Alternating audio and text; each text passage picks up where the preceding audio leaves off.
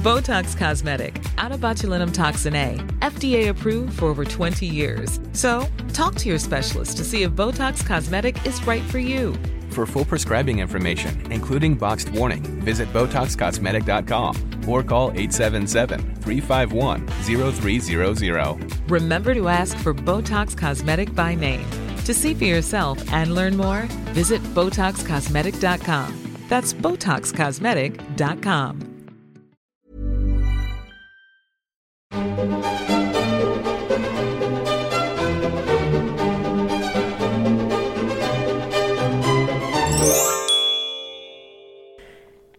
och välkomna till Kungligt med Jenny Alexandersson. och Sara Eriksson. Idag har vi omfamnat hösten, eller hur Jenny? Det är krispigt, det är soligt, det är härligt. Ja, men det är underbart. Jag gillar ju hösten ganska mycket. Mm. Eh, Jag gillar när det blir så här lite kyligare i luften och eh, bladen blir gula. Det är vackert och Mm. äntligen får kavajerna åka på, polotröjan på, lite andra färger. Jag älskar det här. Mm. Påminn mig gärna om mitt, mitt glad, mina glada tillrop i november när det regnar på göra. tvären. Det är grått. Jag lovar På- dig. Påminn mig om det. Eller någon gång så här tidigt i februari när man tänker, vad i helskotta är, är det våren aldrig någonstans? över. Exakt, påminn mig då. Ja, idag... Men kungafamiljen har ju också omfamnat hösten, eller hur? Det har de gjort. I veckans avsnitt ska vi bland annat prata om olika kungliga skolstarter. Det är ändå så nu att den nya generationen kungligheter, det börjas eh, gymnasieskolor, det är eh, universitet också. Eh, Två kungligheter som nu har börjat på samma skola. Vi ska prata om kungliga skolgångar kan man säga.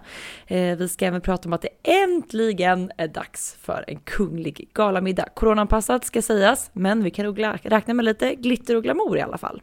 Mm. Och så ska vi såklart eh, prata om Harry och Meghan. Det gör vi i varje avsnitt. Det kommer alltid nya saker kring det här omdiskuterade paret och nu senast en uppdaterad version av en väldigt omtalad bok. Ja, vi ska även prata om drottning Elisabeths frukostvanor. Det tycker jag är väldigt intressant. Eh, lite otippat vad drottningen väljer att äta till frukost, får man Ja. ändå lov att säga. Och kungliga favoriträtter. Det ska vi prata om. Och sist men inte minst ska vi också prata om den här filmen Spencer som kommer att skildra Dianas liv under tre viktiga dagar eh, i slutet på, eller i början på 90-talet. Så att, eh, det ska vi prata om idag. Men vi börjar i Sverige och den här kungliga galamiddagen som är på G. För att nu är det ju nästan back to normal. Det är faktiskt det första statsbesöket sedan pandemin som är på ingång här i Stockholm och även Kiruna. Det känns ju som en evighet sedan, men samtidigt som det var ganska nyligen ändå. Eh, För man beslutade ju vid hovet att skjuta upp representationsmiddagen som skulle ha varit den 4 mars 2020. Eh, Corona hade precis brutit ut i Sverige och då var det inte precis läge att bjuda in 150 gäster till en Zoom-middag på Stockholms slott. Nej. Man valde att senare lägga eventet och det blev senare lagt, minst sagt. Ja, det kan man väl eh, minst sagt säga eh, att det blev. Men nu då, ja, blir det ett och ett halvt år senare så är det alltså äntligen dags för en, en galamiddag på Kungliga slottet. Eh, nästa vecka som sagt besöker ju Tysklands förbundspresident eh, Frank-Walter Steinmeier, May, Steinmeier, Stein- Steinmeier. Steinmeier och hans fru Elke Budenbender, Sverige, för ett tre dagar då långt statsbesök. Och då på tisdagskvällen så bjuder kungen och drottningen in till en frackmiddag på Kungliga slottet. Och det betyder ju även att vi kommer att få se kungligheterna klä upp sig, nolla fast diademen igen. Vi har inte sett kungligheterna bära diadem sedan Nobelfesten 2019. Så det är lite på tiden. Lite glitter och glamour. Det har vi saknat. Ja, och, och samtidigt så ska vi vara noga med att säga det att den här middagen genomförs ju med hänsyn till de rådande restriktionerna. Så det är inte så att vi kommer se eh, folk knö ihop sig på något vis, utan man, man följer de regler som finns helt enkelt. Ja, exakt. Men ändå kul. Alltså det, det börjar hända lite grejer. Man ändå kan samlas några personer, kan duka upp till lite middagar. Det känns hoppfullt tycker jag. Ja, men verkligen. Mm. I veckan så inleddes också Stockholm Fashion Week och där vet vi att kronprinsessan Victoria är väldigt engagerad. Eh, I tisdag så gjorde hon en entré till Sustainable Fashion Hub som är en del av den här Stockholm Fashion Week 2021. Mm. Och det var ju, eller hur sa det, ett ganska tydligt statement. Ja, men det var ju som så mycket annat som kronprinsessan gör, liksom ett tydligt statement där hon liksom använder sitt kungliga strålkastarljus för att belysa då vikten av innovation och hållbarhet. Och det går ju helt i linje med hennes intresse för ja, men miljö, klimat och vattenfrågorna. Så att det kändes ändå självklart på något sätt att hon skulle vara på plats. Eh, och när hon då gjorde entré till eh, Sustainable Fashion Hub så fick hon bland annat träffa eh, Gemme Collective och Arkivet som jobbar med liksom att få kläder att leva längre genom bland annat uthyrning av kläder och accessoarer eh, och även då second hand. Och en liten parentes där, jag handlar så mycket grejer på Arkivet. Mm. Det är så, man kan liksom lämna in kläder och sen köpa dem i fint skick eh, second hand. Så det är jättebra att de får leva lite längre. Men då i alla fall när Gemme Collective skulle presentera så här, eller pitcha lite för kronprinsessan, så sa eh, ena tjejen där så här, det här är lite, läsk det är liksom lite läskigt att pitcha för investerare, men det här slår ju det. Och då tycker jag vi ska lyssna lite snabbt på vad kronprinsessan svarade då. Ja. Men jag är jättesnäll, sa kronprinsessan. Jag tycker, vi har ju pratat om det tidigare, hur bra eh, kronprinsessan Victoria alltid är i mötet med nya människor, det här med att få eh, omgivningen att känna sig bekväm. Ja, men det tycker jag att hon är jättebra på. Och speciellt när hon märker att någon annan är nervös eller tycker att situationen är lite pressande, mm. så är hon ju väldigt eh, eh varm och välkomnande i sitt sätt. Så det där brukar släppa ganska snart. Ja, verkligen. Men i samband då med kronprinsessans besök på Stockholm Fashion Week så fick vi faktiskt även en fråga via min Instagram, Jenny. Eh, för det var nämligen så att eh, ett klipp lades ut där kronprinsessan då gör entré, där hon kliver ur sin bil eh, och då stänger hon igen bildörren själv trots att hennes säkerhetsvakt eller livvakt står precis bredvid. Och då var det många som frågade så här, stänger kronprinsessan bildörren själv alltid. För att Meghan fick ju mycket kritik när hon gjorde det. Vad har vi på ja, det? Nej, men alltså det här är ju... Eh, det finns någon slags eh, regel, jag tror mer det handlar om artighet, att när en, en kunglighet kliver ur sin bil så står det oftast någon och väntar som är redo på att hälsa, hälsa välkommen, visa vägen. Mm. Och för att bara minimera att den personen ja, men ska få all uppmärksamhet från en sekund att kungligheten stiger ur så är det ofta någon annan som kanske stänger bildörren så att det inte blir något eh, avbrott. Men samtidigt är det så här, de här kungliga reglerna som har varit vedertagna förr mm. är ju inte lika, de är inte lika stränga och viktiga längre därför att samhället förändras och, och vi med dem och kungligheterna med det. Och jag tycker inte det är så uppseendeväckande att Victoria vänder sig om och stänger bildörren. Det kan jag tycka är en petitess. Det spelar ja. ingen större roll. Och sen handlar det väl också lite om vilket typ av tillfälle. Det är klart att om kungligheterna gör entré till ett bröllop så kanske de inte vänder sig om i sina Nej. klänningar och diadem och stänger dörren. Men jag menar det här var mer ett vardagligt event och dessutom idag tar man ju heller inte i hand med någon. Så det är inte det första som sker när kronprinsessan kliver ur bilen.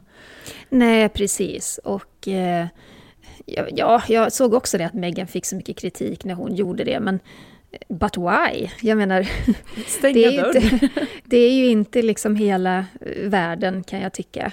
Eh, vad, vad, kan det ta att stänga en bildörr i två sekunder? Ja, något sånt eh, borde det mm. vara. Ja, men det är i alla fall kul att ni som lyssnar och följer oss i sociala medier är så uppmärksamma och ställer mm. frågor. Det gillar vi. Ja, och detaljer är spännande. Absolut. Alla detaljer är spännande. Mm. Vi ska prata om kungliga skolor och kungliga utbildningar. För just nu så är det faktiskt skolstart för alla prinsar och prinsessor och vi har ju sett många bilder på de kungliga sociala medierna på väldigt förväntansfulla studenter senaste veckan. Eh, vi vet sedan innan att eh, prins Christian av Danmark, han ska börja på gymnasiet och han har valt exklusiva gymnasieskolan Herlufsholm. Där kan vi berätta att eh, det kostar ungefär 625 000 svenska kronor för de tre år som prinsen ska gå där. Och där har ju faktiskt också prins Christians kusin eh, Nikolaj, det är ju son till prins Joakim, och, eh, han har också gått på Herlufsholms gymnasium. Och han var nog faktiskt den första kungligheten som, som gick på skolan. Mm. Men då satte han, han kanske testade den och tyckte att den höll för, för kungligheter. Men det måste ju vara lite en fjäder i hatten då för skolan att få dit liksom den blivande kronprinsen. Mm. Mm. Absolut, och det finns en gedigen historia kring den här skolan. Eh, delar av verksamheten eh, inhyst i ett munkkloster från 1100-talet. Och skolan grundades redan 1565 som en utbildningsplats för adelns söner, i, i, först och främst. Då. Och eh, alla elever de ska ha svarta skor, mörka byxor, blå skjorta och en blazer. Och på den här blazern så finns skolans vapensköld med tre musselskal på. Okej, och där är det också som så att alla elever de sover liksom i stora sovsalar och eh, klockan 22.30 så ska det vara tyst och ingen får ha mobiltelefon på sig eller alltså med sig då till sängen. Det kanske är någonting man själv borde ta efter, så man inte ligger och scrollar hela nätterna. Ja, men vad fasen, stora sovsalar, jag hade aldrig stått ut sa det. Nej, nej, jag är så kräsen med hur och var jag sover. Jag klarar inte av ljud, ljus eller någonting, så att en sovsal, nej. det vore, alltså tror jag att det är så här våningssängar. Jag vet inte. Jag bara ser framför mig en stor jättesal med säng efter säng efter säng. Men, Mobilförbud. Mm, men det ska också sägas att det är också komplicerat det här med att välja skolor för kungligheter. Många av de här gamla privatskolorna, de eh, dras ofta med rykten om eh, riktig kasskultur och det kan man säga att Herlufsholm också gör. Mm. Eh, de har rykte om sig att ha en kultur präglad av penalism, där äldre elever med lärarnas välsignelse då straffar yngre elever på olika sätt. Och det har faktiskt hänt vid några tillfällen att eh, skola skolan blivit då ett ärende för polisen. För 1994 så blev en vakt på skolan knivhuggen på Herlufsholm. Och då var det en 19-årig elev som då ja, misstänktes för, för mordförsök och åtalades. Han friades senare i rätten efter förhör med över 50 vittnen. Mm. Och vid två, två tillfällen så har pojkar på skolan anklagats för att ha våldtagit jämnåriga flickor. Men i båda fallen då så har de eh, friats i, sak, i saken. Då. Och eh, både kronprins Fredrik och prins Joakim har ju gått på skolan, eh, men de gick bara där ett år. Eh, samma sak med prins Christians kusin, moderprinsen Nikolaj. Men nu är det alltså första gången någon från kungafamiljen planerar från början att stanna i hela tre år. Och Mary och Fredrik då, Christians föräldrar, eh, stöttar såklart sin son i valet av gymnasieskola. Så det ska bli spännande att se då om man fullföljer de här tre åren. Ja men verkligen. Är planen det är inte bara prins Christian som nu har intagit en ny skola och lite en, en ny, ett nytt kapitel i livet, utan även prinsessan Elisabeth av Belgien har ju gjort det.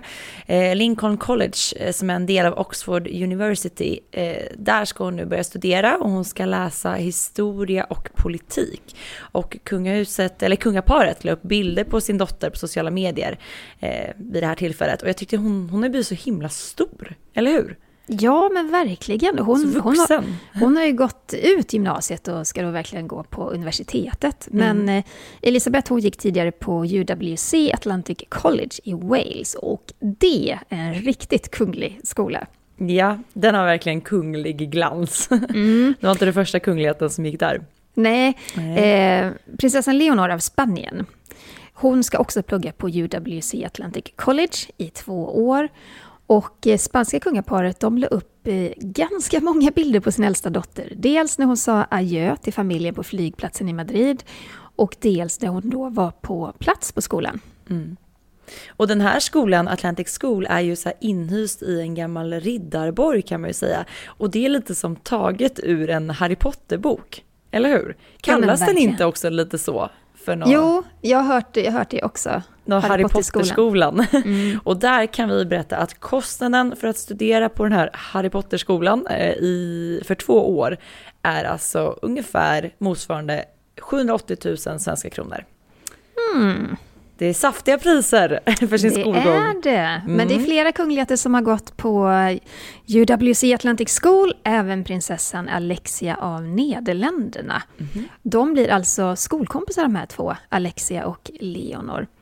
Och eh, holländska kungaparet de publicerade också bilder på sin dotter när hon stod med resväskor utanför slottet i Haag. Undrar om de kan finna varandra där då och vara lite varandras stöttepelare, för jag menar det är ändå speciellt att att äntra liksom en ny skola och dessutom ha den här kungliga rollen. Jag kan tänka mig att man blir sedd på ett visst sätt, såklart. Ja, sen är det ju i de här skolorna så är det ju eh, väldigt många som lever under så VIP-status, eller vad man ska säga. Mm. Eh, det är många som har livvakter, det är många som är kungliga. Så jag tror att, eh, jag tror att man är ganska van vid att eh, det finns speciella omständigheter kring ganska många elever. Och det är men, i kanske jag, en fördel för dem såklart, ja. att det blir lite mer neutralt på något ja. sätt. Men däremot så tror jag precis som du säger att både Leonor av Spanien och Alexia av Nederländerna, de är lika gamla. Eh, de skulle absolut kunna finna varandra. Ja, vi får hoppas det. Nu mm. har de i alla fall en väldigt god möjlighet till det. Eh, men när vi ändå pratar om skol, kungligheternas skolgång och skolval, det är ju väldigt många som, som ställer frågor om till exempel kronprinsessan Victorias skolgång och hur den har sett ut. Så jag tycker vi kan väl gå in lite på det också när vi ändå är inne på ämnet. Mm. Där tog ju kungaparet ett beslut väldigt tidigt att eh, de ville att deras barn skulle gå i kommunala skolor. Det var ett val som de hade sett funkade väldigt bra från sina eh, kollegor och goda vänner i Norge. Norska kungaparet resonerade på samma sätt. Um, så kronprinsessan hon gick i kommunalskola de första åren. Först lågstadiet i Smedslättsskolan i Bromma. Mellanstadiet, då gick hon på Ålstensskolan i Bromma. Men när det då var dags för gymnasiet så blev det en eh, friskola. Jag tror de har högstadie också. Eh, och det är enskilda gymnasiet på Östermalm. Just det. Och där studerade Victoria natur och samhällsvetenskapliga programmet och tog studenten år 1996. Men om man tänker då, det är ju verkligen kungaparets val där är ju en motsats då till vad vi precis pratade om, att man väljer att sätta kungabarnen i en skola där de får vara mer neutrala. För i de här kommunala skolorna så måste ju kungabarnen verkligen ha stuckit ut.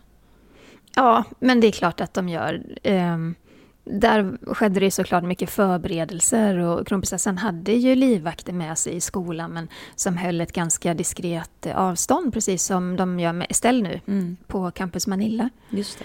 Men om man kollar sen då på vad som hände efter gymnasiet för kronprinsessan så är det också ganska typiskt kungligt eh, eh förfarande. Man skräddarsyr helt enkelt ett utbildningspaket och för Victorias del så var det både akademiska studier, det var olika kurser, praktikplatser. Och det var ju för att hon då ska lära sig allt sånt som hon behöver i den framtida roll som hon kommer ha som mm. Sveriges drottning. Ja, och vårterminen 1998 så började ju kronprinsessan Victoria plugga på Yale University i USA där hon bland annat då studerade statskunskap och historia.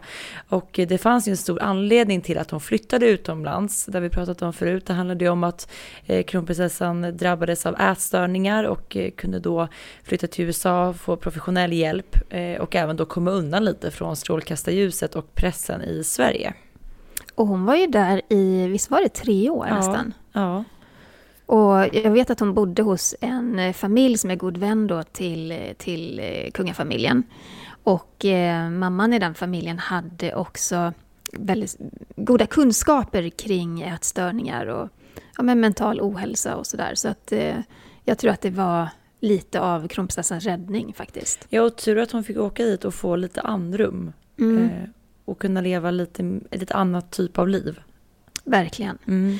2006 så gick kronprinsessan UDs diplomatprogram och det skrevs ju ganska mycket om det för hon var ju verkligen en i klassen där. Eh, men allt som allt, hela det här utbildningspaketet och allt vad som ingick där i Eh, ledde fram till att kronprinsessan Victoria idag har en filkand med freds och konfliktkunskap som huvudämne. Och då har hon, om man kollar lite snabbt på hennes eh, CV, hon har 60 högskolepoäng i statsvetenskap. Hon har 90 högskolepoäng i freds och konfliktkunskap och så har hon 30 högskolepoäng i lite gott och blandat helt enkelt. Men det är ju så här en typisk skräddarsydd utbildning för eh, en kommande drottning eller kung, just att man får ett ganska så brett, man kan lite om väldigt mycket. Mm. Mm. Men eh, Victoria hade det faktiskt ganska tufft när hon var yngre i och med att hon led av dyslexi och det är någonting som finns i kungafamiljen så det var ju ingen, det var ingen chock för kungen och drottningen att inse att Victoria hade de här problemen. Tvärtom så var det ju drottningen som väldigt snabbt snappade upp det och hade samtal med rektor och, och lärare och eh, det ledde till att eh, kronprinsessan hon fick starta skoldagen en halvtimme tidigare och eh, läsa och traggla och för att liksom kunna hålla samma tempo, hänga med lika mycket som de andra. Mm. Under universitetsstudierna så fick hennes mentor och studiehandledare Louise Dinkenspiel, tidigare då Victorias engelsklärare från enskilda gymnasiet, ta anteckningar på föreläsningarna så att de sedan kunde jämföra anteckningar eh, just för att snappa upp ifall att det var så att eh, kronprinsessan hade missat något. Så att där fick hon också lite extra hjälp eh, som såklart underlättade studierna. Mm. Och det är ju bra. Det har ju gått bra för Victoria. Det har gått väldigt bra för Victoria, men det är väldigt spännande just att prata om hur kungligheterna skräddarsyr sina utbildningar och lite vilka skolor som gäller nu för de, den yngre generationen och så vidare. Och där har vi pratat mycket om att det kommer ju se likadant ut för prinsessan Estelle när det är dags för henne att, att välja utbildning och vilken väg hon ska gå. Om man då jämför med hennes kusiner som inte längre är en del av det kungliga huset som kanske liksom på ett helt annat sätt kan välja fritt och kanske också rikta in sig på en sak. Den stora skillnaden där är väl att eh, Victoria och Daniel bestämde sig för att inte göra som kungaparet, utan de satte ju verkligen Estelle i en ja, vad ska man säga, överklassskola, eh, elitskola på ett sätt, eh, Campus Manilla ute på Djurgården. Mm. Jag tror att det har att göra med att många av Victorias kompisar har barn som, som går där och att de säkert är nöjda med skolan. Men, mm. men det blir såklart, Estelle är ju då såklart omgiven av en viss typ av människor med, med en viss typ av inkomst, med en viss typ av framtid utstakad kanske. Det är lite tvärt en kommunal skola, det kan vi säga. Det kan vi säga. och Campus Manilla har ju också dragits med en hel del problem. Det har också rapporterats om, om mobbing och om, om liksom inre stridigheter och den första rektorn som var tillsatt där, hon, hon avgick. Och, Eh, så det är inte heller så att bara för att man väljer en sån tjusig skola så är den helt eh, konfliktfri på något sätt. Utan det är klart att det finns skit bakom väggarna även där, så är det ju. Mm. Man hade ju också använt en viss, eh, en viss regel inom skolan som egentligen var till för att få in, vad ska man säga, mindre bemedlade eller ja, men elever som inte har lika bra förutsättningar. Men den regeln använder man istället för att få in miljardärsbarn som flyttade hem, alltså hem till Sverige igen med, med sina familjer. Så att, ja, man ska nog vara öppen för att visst, det kan vara jättebra för istället att gå den skolan, men det är inte konfliktfritt att sätta ett barn i sån skola ändå. Nej. Det kan vi slå fast i alla fall. Mm. Det, vi ska prata, byta ämne helt enkelt och eh, vi ska ta oss in på veckans Harry och Meghan.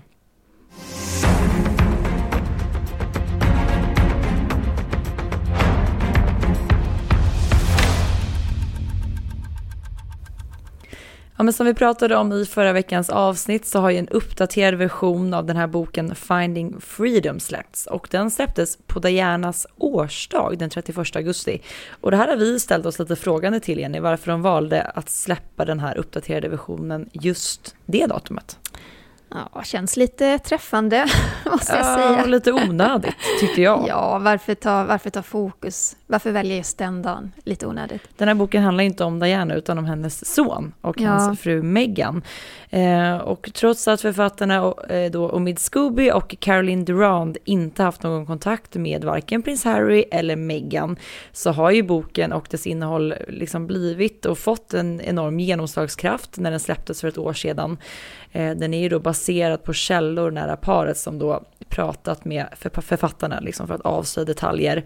Eh, och nu har de alltså gjort det igen för att de ville ge en uppdaterad version. Jag tror det handlar om att det har hänt så mycket det här året så att man ville uppdatera boken. Och eh, vi kan väl ta upp kanske då de tre största så kallade bomberna i det här nya släppet. Eh, för det är ändå tre grejer som faktiskt utmärker sig. Ja, eh, en sak som eh, har då blivit eh, tillförd i den här boken, det är att eh, kungafamiljen var glada över att Meghan inte kunde närvara vid prins Philips begravning. Inte en jättestor chock kanske. Nej. men, men det, författarna skriver då att Meghan hade hoppats på att kunna följa med prins Harry till Storbritannien, men att hon avrådde sig göra det, dels på grund av graviditeten med, med Lilibet, men jag kan också tänka mig det står inte i boken kanske, men jag kan också tänka mig att det handlar om att hon var mycket medveten om vad det skulle bli för rabalder om hon hade eh, varit på plats. Och Exakt. en annan, vad författarna kallar för högre kunglig källa, ska då ha sagt att kungafamiljen var lättade över att Meghan stannade i USA eftersom hon skulle tagit mycket uppmärksamhet och skapat ett spektakel med sin närvaro efter intervjun med Oprah.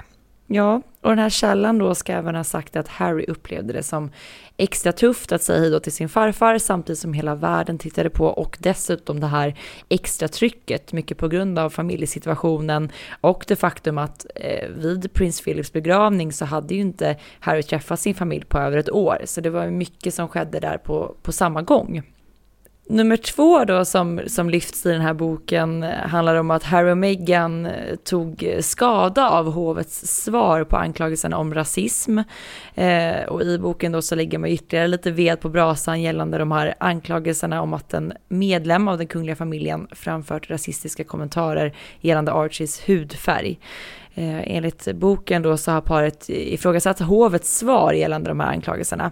Och en eh, källa då, en nära källa till paret uttalar sig i boken och säger så här, citat, så länge känslorna är så här starka och det är svårt så kommer det att tvinga människor att behöva börja prata eh, om någon form av läkning ska kunna ske. Hovets reaktion var inte positiv och det kommer ta tid för såren att läka. Det måste finnas ett erkännande och en förståelse för vad Harry och Meghan gick igenom för att familjen ska kunna nå framsteg och försoning. Slutcitat. Och eh, den tredje punkten, det handlar om eh, det här titelbrottet och den här diskussionen eh, eh som gäller Archies titlar.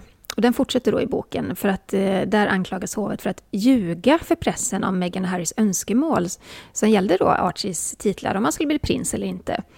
Och en källa i boken säger att, eh, citat, paret ville välja själva eftersom det skulle ge deras barn en trygghet och en trygghet som kommer med den här titeln.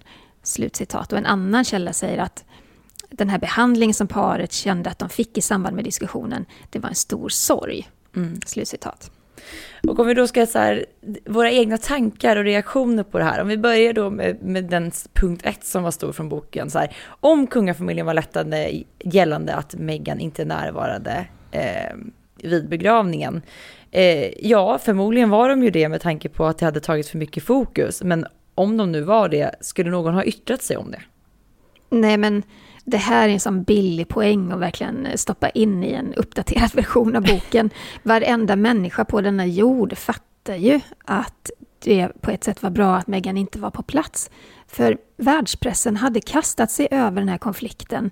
De hade tagit bilder på varenda ansiktsuttryck och de, det, är ändå en, det var ändå liksom en, en, en statsbegravning för en av de äldsta medlemmarna i kungahuset. Så att det, det, var bara en billig poäng känner jag som Omid Scobie och Caroline Durand fick med i sin jag, bok. Jag tror att vi alla kan liksom slå fast vid att så var det förmodligen. Och ja. Eh, liksom att det finns anledningar till det. Så. Mm. Eh, den andra då tog Harry och Meghan skada av hovets uttalande för att då liksom, eh, liksom uppdatera lite så var det ju så att Harry och Meghan i intervjun hos Opera anklagade ju då någon eh, familjemedlem i kungafamiljen, vi vet inte vem, där och då, för att då ha uttryckt sig rasistiskt gällande Archies hudfärg. Eh, vi trodde ju att kungafamiljen som vanligt skulle kväva allting med liksom locket på, men här gjorde ju faktiskt hovet eh, ett uttalande. Ja, de skrev ett väldigt kort och diplomatiskt eh, pressmeddelande som lät så här. Hela familjen är bedrövad över att få, få veta omfattningen av hur utmanande de senaste åren har varit för Harry och Meghan.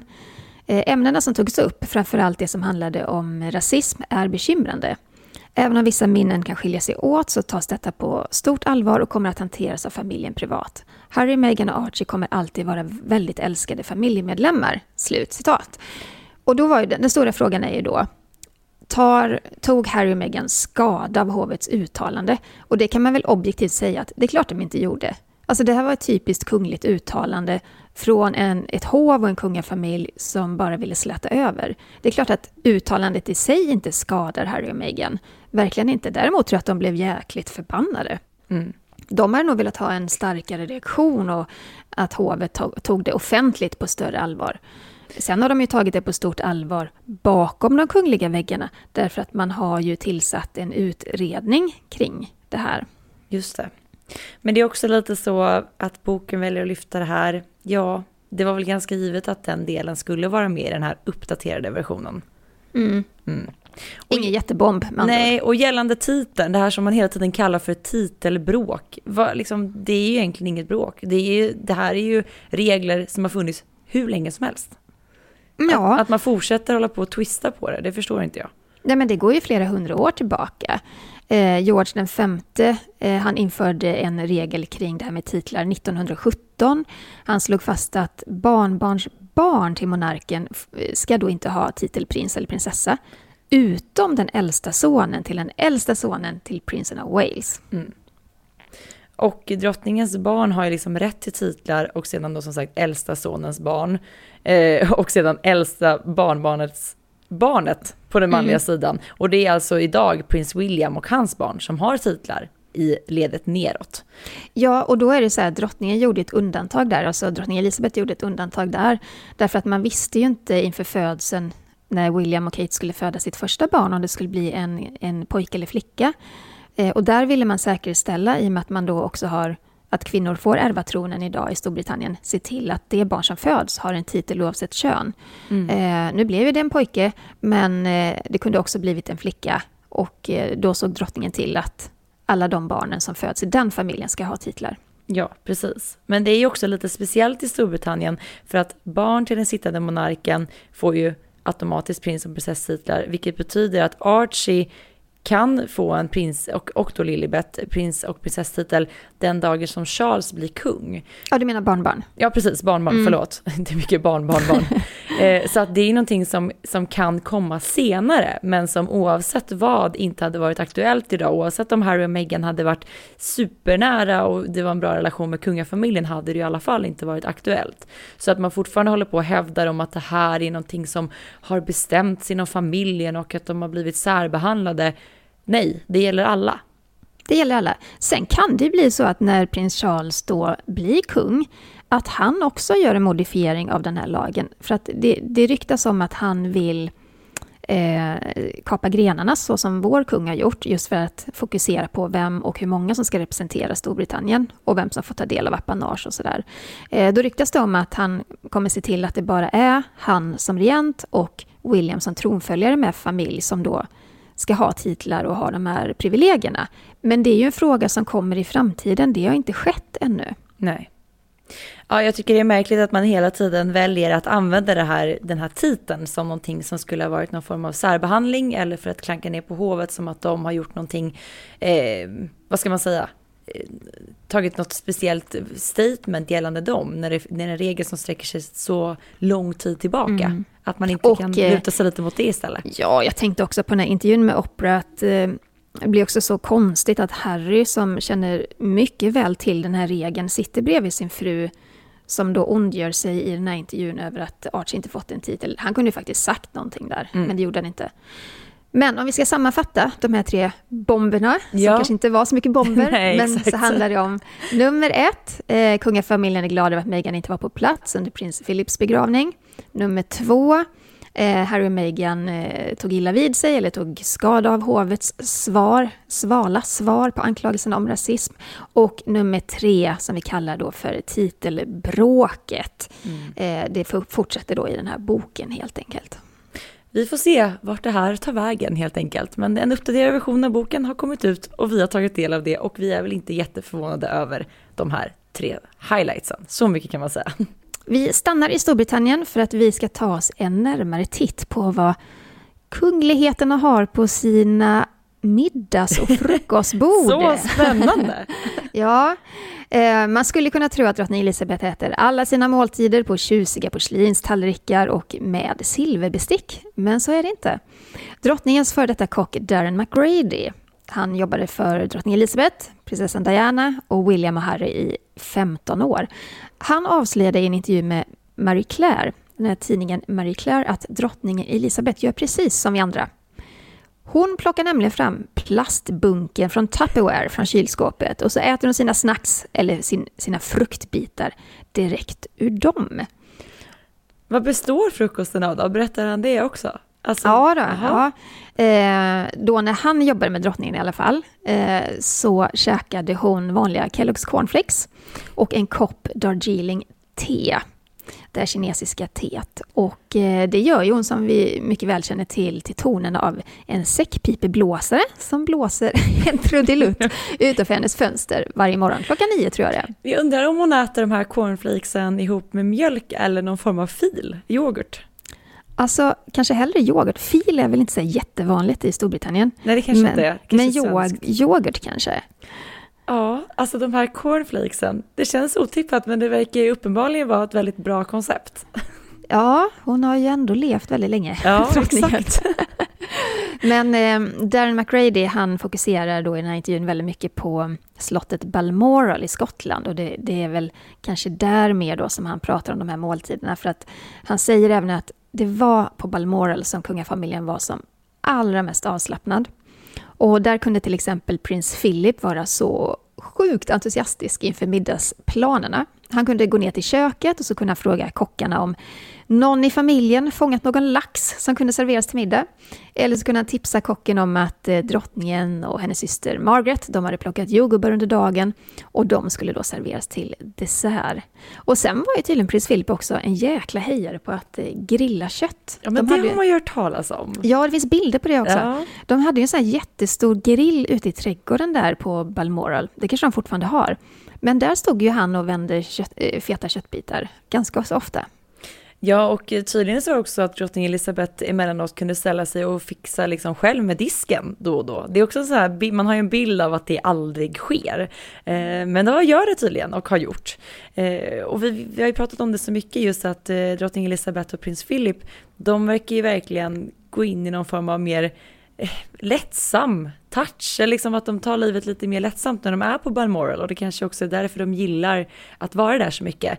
Och det har ju också prinsessan Eugenie sagt i en intervju med ITV, det var några år sedan, eh, att hon var övertygad om att hennes farmor var som allra mest lycklig just på Balmoral. Och det kanske är just därför. Jag tror det. Jag tänker lite på att det är samma sak med vårt kungapar som älskar att vara ute på Stenhammar slott. Mm. För där har inte de heller så mycket personal och de fixar ju väldigt mycket själva där med mat och grejer och sådär. Men jag ställde frågan till kronprinsessan Victoria en gång vad hon saknade mest när hon var ute och reste. Egentligen var jag ute efter att hon skulle svara Daniel. För det, här var, det här var ju innan förlovningen och allt sånt där. Men nej, hon svarade Missly. Jaha. Och eh, det är så här att kronprinsessan hon älskar att eh, äta frukost i lugn och ro. Vem gör inte det i och för sig? Eh, och att få läsa en tidning eller följa nyheterna under tiden. Men självklart så ser det ju annorlunda ut idag när, när barnen är i rummet. Det är inte samma det är inte så att man sätter sig och lusläser en tidning när man har barn. Nej, jag kan tänka mig det. Det känns som att det går ganska fort, bra tempo på morgnarna. Ja, och eh, jag tror också att kungen har sagt i någon intervju att han har med sig eget knäckebröd mm när han är ute och reser. Undrar vad han kör för knäcke. Han känns som en typisk Vasa-knäcke. Ja, Inga krusiduller, det. här som är ganska klint platt. Inga chiafrön och sånt där. Nej, nej, nej. nej. det tror jag också. Men vi vet ju också lite vad de andra kungligheterna har för favoriträtter. Vi vet ju bland annat att prins George älskar spaghetti carbonara enligt tidningen Express i Storbritannien. Ja, men just det. Mm. Och vår egen kung han har ju faktiskt sagt att han är väldigt förtjust i så kallad tullgarnspaj. Och det ska vara någon sån här mastig historia med kyckling och kalvbräss, grädde och mycket moj, som han själv uttalade, eller sa det då. Eh, och så sa han att det är en tung historia men den är oerhört god. Jag tror han, det var en intervju med Svensk Damtidning. Men jag vet också att han gillar kräftor. Och det är ju säsong för det nu, så det kanske blir en del kräftskivor ute på slottet. Undrar om kungen själv fiskar kräftor. Det är ju väldigt eh, trevligt tycker jag att göra det. Jag fiskar mycket kräftor. Men den här pajen tycker jag lät lite för tung för min smak. Ja, den är lite du? kraftig.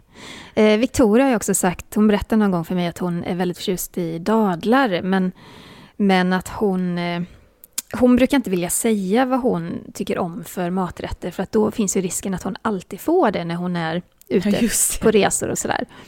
Men det, det jag noterat liksom under när jag reste mycket med henne, det var ju att hon faktiskt oftare väljer te än kaffe. Mm.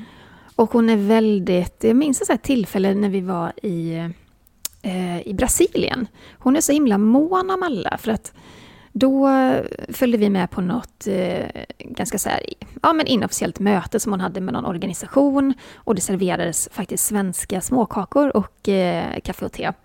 Och då hamnade jag och fotograf Charles eh, Hammarsten som jag jobbade mycket med då eh, lite bakom. Vi fick liksom sitta på stolar precis bakom henne Ah, det var lite speciellt så.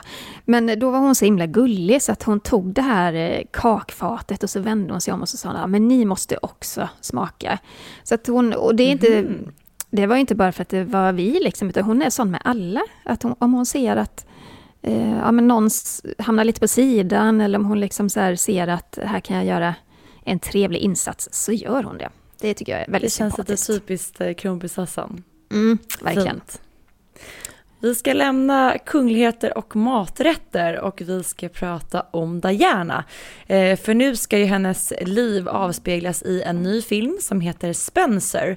Och den här filmen handlar om endast tre stycken viktiga dagar i Dianas liv på 90-talet. Eh, och det är då Kristen Stewart, mest känd för sin roll som Bella Swan i Twilight, som kommer att äntra den här rollen som Diana. Och det har fått lite ris och ros ska sägas när jag har läst kommentarer på internet. Ja, mm. jag har inte sett så mycket av de här Twilight-filmerna, men jag, jag, jag, känner ju till eh, Kristen Stewart. Eh, blev först lite tveksam, men mm. å andra sidan, eh, Kristen Stewart har ju, hon har ju växt till sig, hon är också mognat i sina roller, så det kanske blir jättebra. Ja, och som sagt, filmens titel då kommer ju från Dianas släktnamn Spencer och redan där tydliggör det ju lite att filmen handlar om att fokusera på just liksom Dianas tillvaro. Eh, det här biografiska dramat utspelar sig som sagt var endast tre viktiga dagar av hennes liv då hon bestämmer sig för att avsluta sitt äktenskap med prins Charles.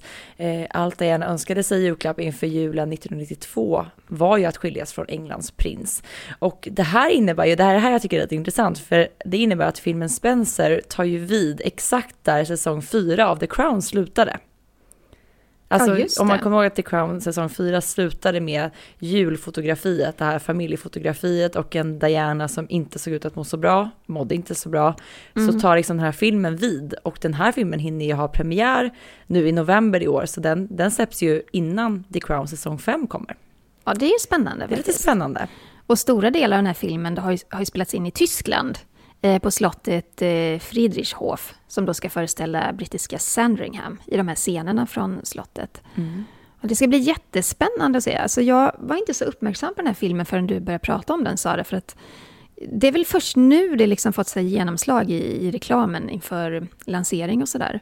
Mm. Ja, men, men, du har, men du har ju känt till det ett tag, eller hur? Ja, jag har känt till det ett tag och sen släpptes ju också den officiella trailern 26 augusti så då blev det väl lite mer. Då mm. fick man ju se de här scenerna och just den här amerikanska 31-åringen som äntrar rollen som världens mest älskvärda kunglighet eh, och just att många blev lite tveksamma för att det man kan läsa lite bland kommentarerna det är att vissa tycker faktiskt att hon är lite mer lik Camilla Parker Bowles än Diana själv. Och jag kan faktiskt hålla med om det. Jag visade dig en bild Jenny, eh, mm. när vi sågs och det är vissa så här, eh, i vissa vinklar som de, hon är ganska lik Camilla faktiskt som ung. Ja, det håller jag med eh, Och det är många Diana-fans som ställer sig lite frågande till valet, men jag tror att det här kommer bli bra.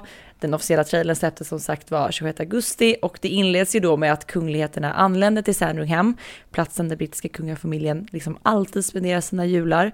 Eh, och vi ser ju Kristen Stewart i några liksom av Dianas mest ikoniska 90-talskläder. Vi ser håret, det är klippt och stylat, precis likt Dianas signaturlook, den här blonda parsen. Och vi ser också hur Kristen lyckas fånga Dianas det här sättet att titta under lugg, sådär som hon alltid gjorde. Kan vi inte lyssna lite på, på den här trailern? Jo, det gör vi.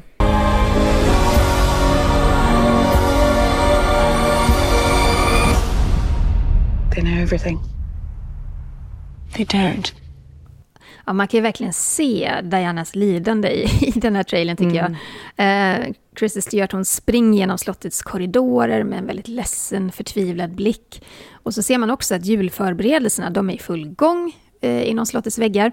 En flott middag dukas upp och familjen då väntar på Diana. Och, och hon är då stressad och instängd i ett badrum när de kallar henne till bordet.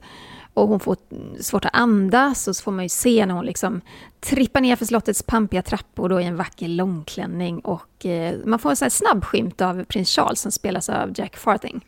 Mm, precis, och sen är det snabba så här bilder, det är familjeporträtt, det är blixtar från paparazzis, det är dans, vi vet att jag gärna gillade att dansa väldigt mycket, det är desperata löpsteg över godsets grönskor. Eh, och vi hinner också skymta i trailern att, som också avslutas med att jag tror att det är ett slottsbiträde som säger till Diana så här, de vet allt, vilket Diana svarar, det gör de inte. Och eh, man ser Diana väldigt ledsen, eh, men det jag tänkte på också var att i sista delen av trailern så har Diana en väldigt sportig jacka och den påminner väldigt, väldigt mycket om en jacka som Diana bar 92 när hon lämnade prins Harry vid skolan. Men de har säkert gjort grundlig research, tänker jag då. Det har de verkligen gjort. När man kollar på just de här ikoniska outfitsen så tycker jag att de har lyckats fånga upp eh, väldigt många som vi känner igen ifrån Diana själv. Mm. Men den här filmen den kommer visas under filmfestivalen i Venedig som startar första september. Men eh, vi andra får vänta. Ja, vi är inte inbjudna. Nej, eh, för Spencer har biopremiär den 5 november 2021 här hemma i Sverige. Just det, den får man ju titta på. Jag är supertaggad. Ja, det ska bli jätte, jättekul. Ja. Och vi har fått en lyssnarfråga här som vi måste ta från Elsa. Mm. Hej! Om ni fick välja en kunglig garderob, vems garderob hade ni valt? Oh, Sara. Vad svårt. ja, det står ju mellan, eller det finns tre. Kates i Storbritannien, eh, Mary i Danmark, men eh, nej, alltså Dianas garderob slår allt. Den är mm. nummer ett. Ja, den är lite för 80-talig för mig. Men jag hade valt Mary alla gånger. Jag tycker hon har fantastisk stil faktiskt. Jag tycker det är mycket av så här, du vet Diane hade ju mycket så här eh, tweedade större kavajer och lite den här kavaj och kjollooken. Och mycket mm. av det mm. kommer tillbaka nu. Jag tycker det är väldigt snyggt. Mm. Eh, men Dianas garderob och Dianas väskgarderob skulle jag vilja ha. Alla dessa Dior-väskor hon bar. Den är värd miljoner kan jag tänka mig. Det är kul nu att Gucci har gjort en, en ny, alltså de har gjort Dianas signaturväska Aha. i en ny tappning som släpptes. Tired of ads barging into your favorite news podcasts? Good news. Ad-free listening is available on Amazon Music for all the music plus top podcasts included with your Prime membership. Stay up to date on everything newsworthy by downloading the Amazon Music app for free or go to amazon.com slash news ad free. That's amazon.com slash news ad free to catch up on the latest episodes without the ads. För några veckor sedan. Har inte råd att köpa dem, men äh, nej, man kan nej. ju titta i alla fall. Man kan titta. ja, det var mycket vi har, vi har pratat om idag. Ja, men verkligen. Fortsätt skicka in eh, lyssnarfrågor. Mejla till kungligt aftonbladet.se. Ja, och glöm inte att följa oss på sociala medier. Ni hittar mig på Instagram under namnet royalistan.se och var hittar man dig Jenny? På Instagram först och främst. Kungligt med Jenny heter jag där. Ja. Tack för att ni har lyssnat på veckans avsnitt av Kungligt. Ha det gott, hej då! Hej då!